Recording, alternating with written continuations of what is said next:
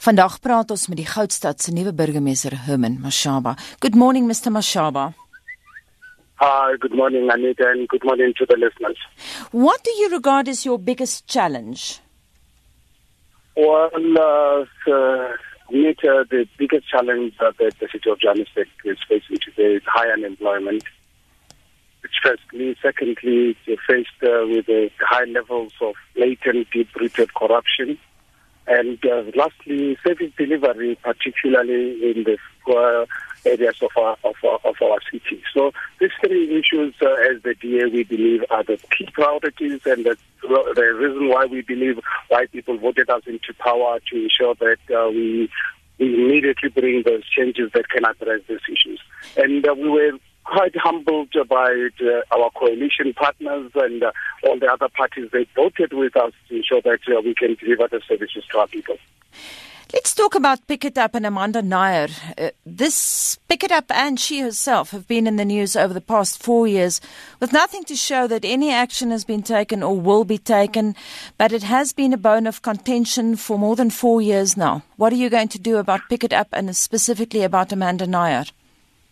Well, uh, as you're aware, uh, Anita just took over the office uh, yesterday, but still busy uh, settling at the same time. Yesterday, most part of the day, uh, dealing with the media because, uh, you know, I needed to introduce myself to to the residents of Johannesburg and, and everyone else. And this particular matter with uh, Pikitup, I'm sure you're aware, during the campaign, I addressed it and addressed it quite vigorously, unapologetically, that something has to be done with Pikitup.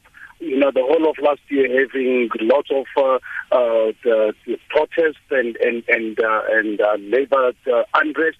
At the same time, the labor organization having issues uh, with uh, with this uh, managing director. Why I've failed to understand over the years is why this managing director was so protected by the administration. This is something that I can assure people of Johannesburg. I will go deep into it and uh, we will uh, report as we progress. Unfortunately, let me not jump the gun. Um, let me find out exactly what's happening. These people would allow me to investigate and uh, allow the, uh, the due process to take place. As jy pas by ons aangesluit het, ons praat vanoggend met Herman Mashaba. Hy is die DA burgemeester van Johannesburg. Mr. Mashaba, during one of RSG's pre-election debates in Sophiatown, you were one of the panelists, and one of the issues that was mentioned by the EFF was that biking lanes in Joburg were superfluous to people's requirements, given the fact that there are still Joburgers without running water and proper sanitation. Are you sensitive to the fact that many South Africans regard the DA as partial to the middle class? Well, um, Anita, uh, the voters uh, spoke on the 3rd of August, and uh, as I said here, we received 38% of uh, the votes in Johannesburg. We're the second biggest uh, political party in, in, in Johannesburg.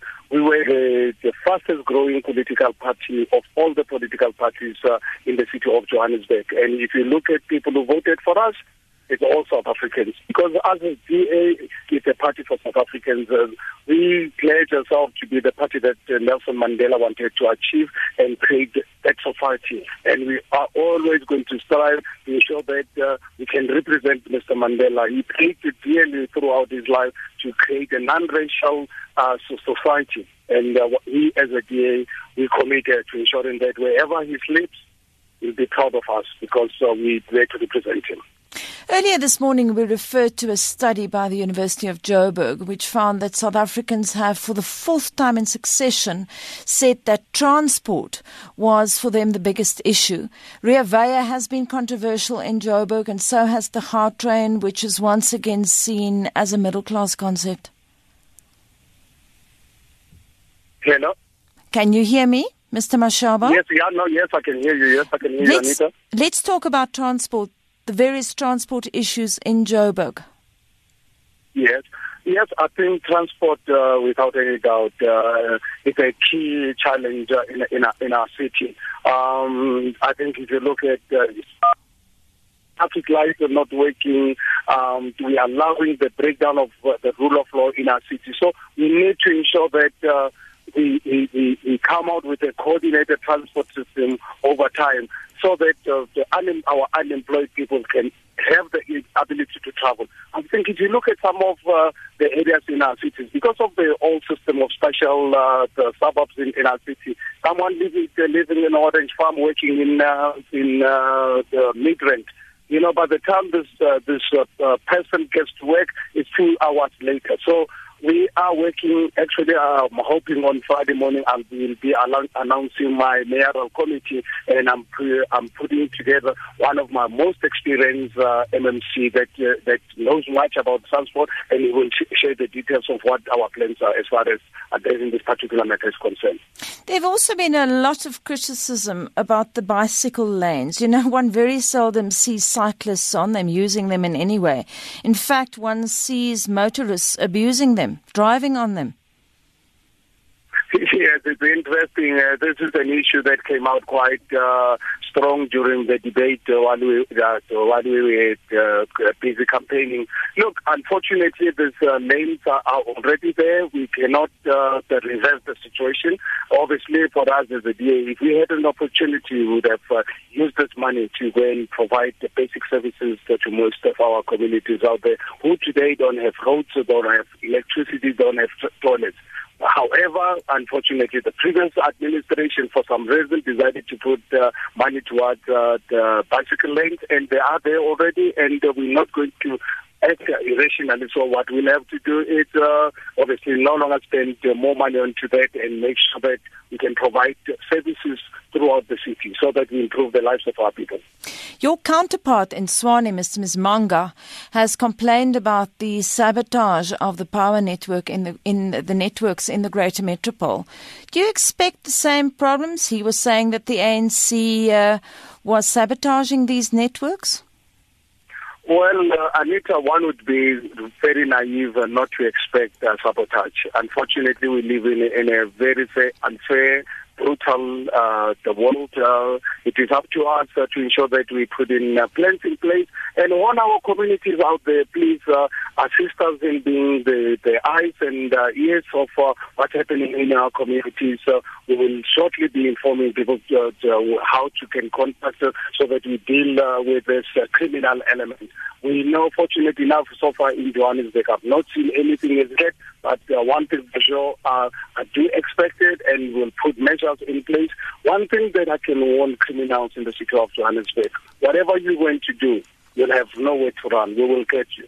I will uh, personally ensure that criminal elements in our city uh, are, are hunted they can run, but one thing for sure, they cannot hide.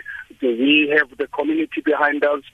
Um, I will be shortly be having discussions with my colleagues in the JMPD in consultations with SAPS to ensure that uh, Johannesburg does not cor- uh, uh, accept any elements of uh, criminality in our city. In Westdene and Melville, we've had a lot of stealing of cables. Yes, I, I think uh, that's something that uh, we very much aware about all these uh, outages uh, uh, that have been happening in the city of Johannesburg. You know, city of Johannesburg, the last six months or so, we've been having an average of 10 outages a day and and uh, can assure people of the residents uh, that has had to do with uh, with all the stealing of uh, cables. Uh, why the previous administration was letting this happen, where they party to this, we, we will go deep into that and uh, ensure that we put in a professional civil service. Are committed to people of Johannesburg when I take over. We want to put together a professional civil service that can service our people.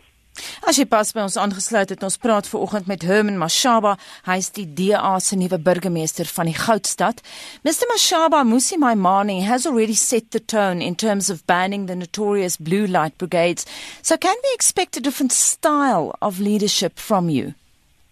Yes, absolutely. We we need to, as society, we've always really come out quite uh, clear that political leadership cannot abuse their power. We understand from time to time there will be emergencies completely out of control. But uh, it cannot just be a rule of thumb that uh, you, you know you've got a meeting at 8 o'clock, you're always late. I think we need to find a way to manage our time. But from time to time, when when uh, people get into into an emergency, when we have uh, international visitors, we have some dignitaries, and we have to catch up on particular whatever, we will have exceptions to this. I don't really believe it would be fair for anybody to say that completely you don't allow it. I think under difficult under difficult uh, different circumstances we've got to allow it. Like our emergency services with ambulances. That's why we allow ambulances when they are carrying critical people. Let's allow them to move on.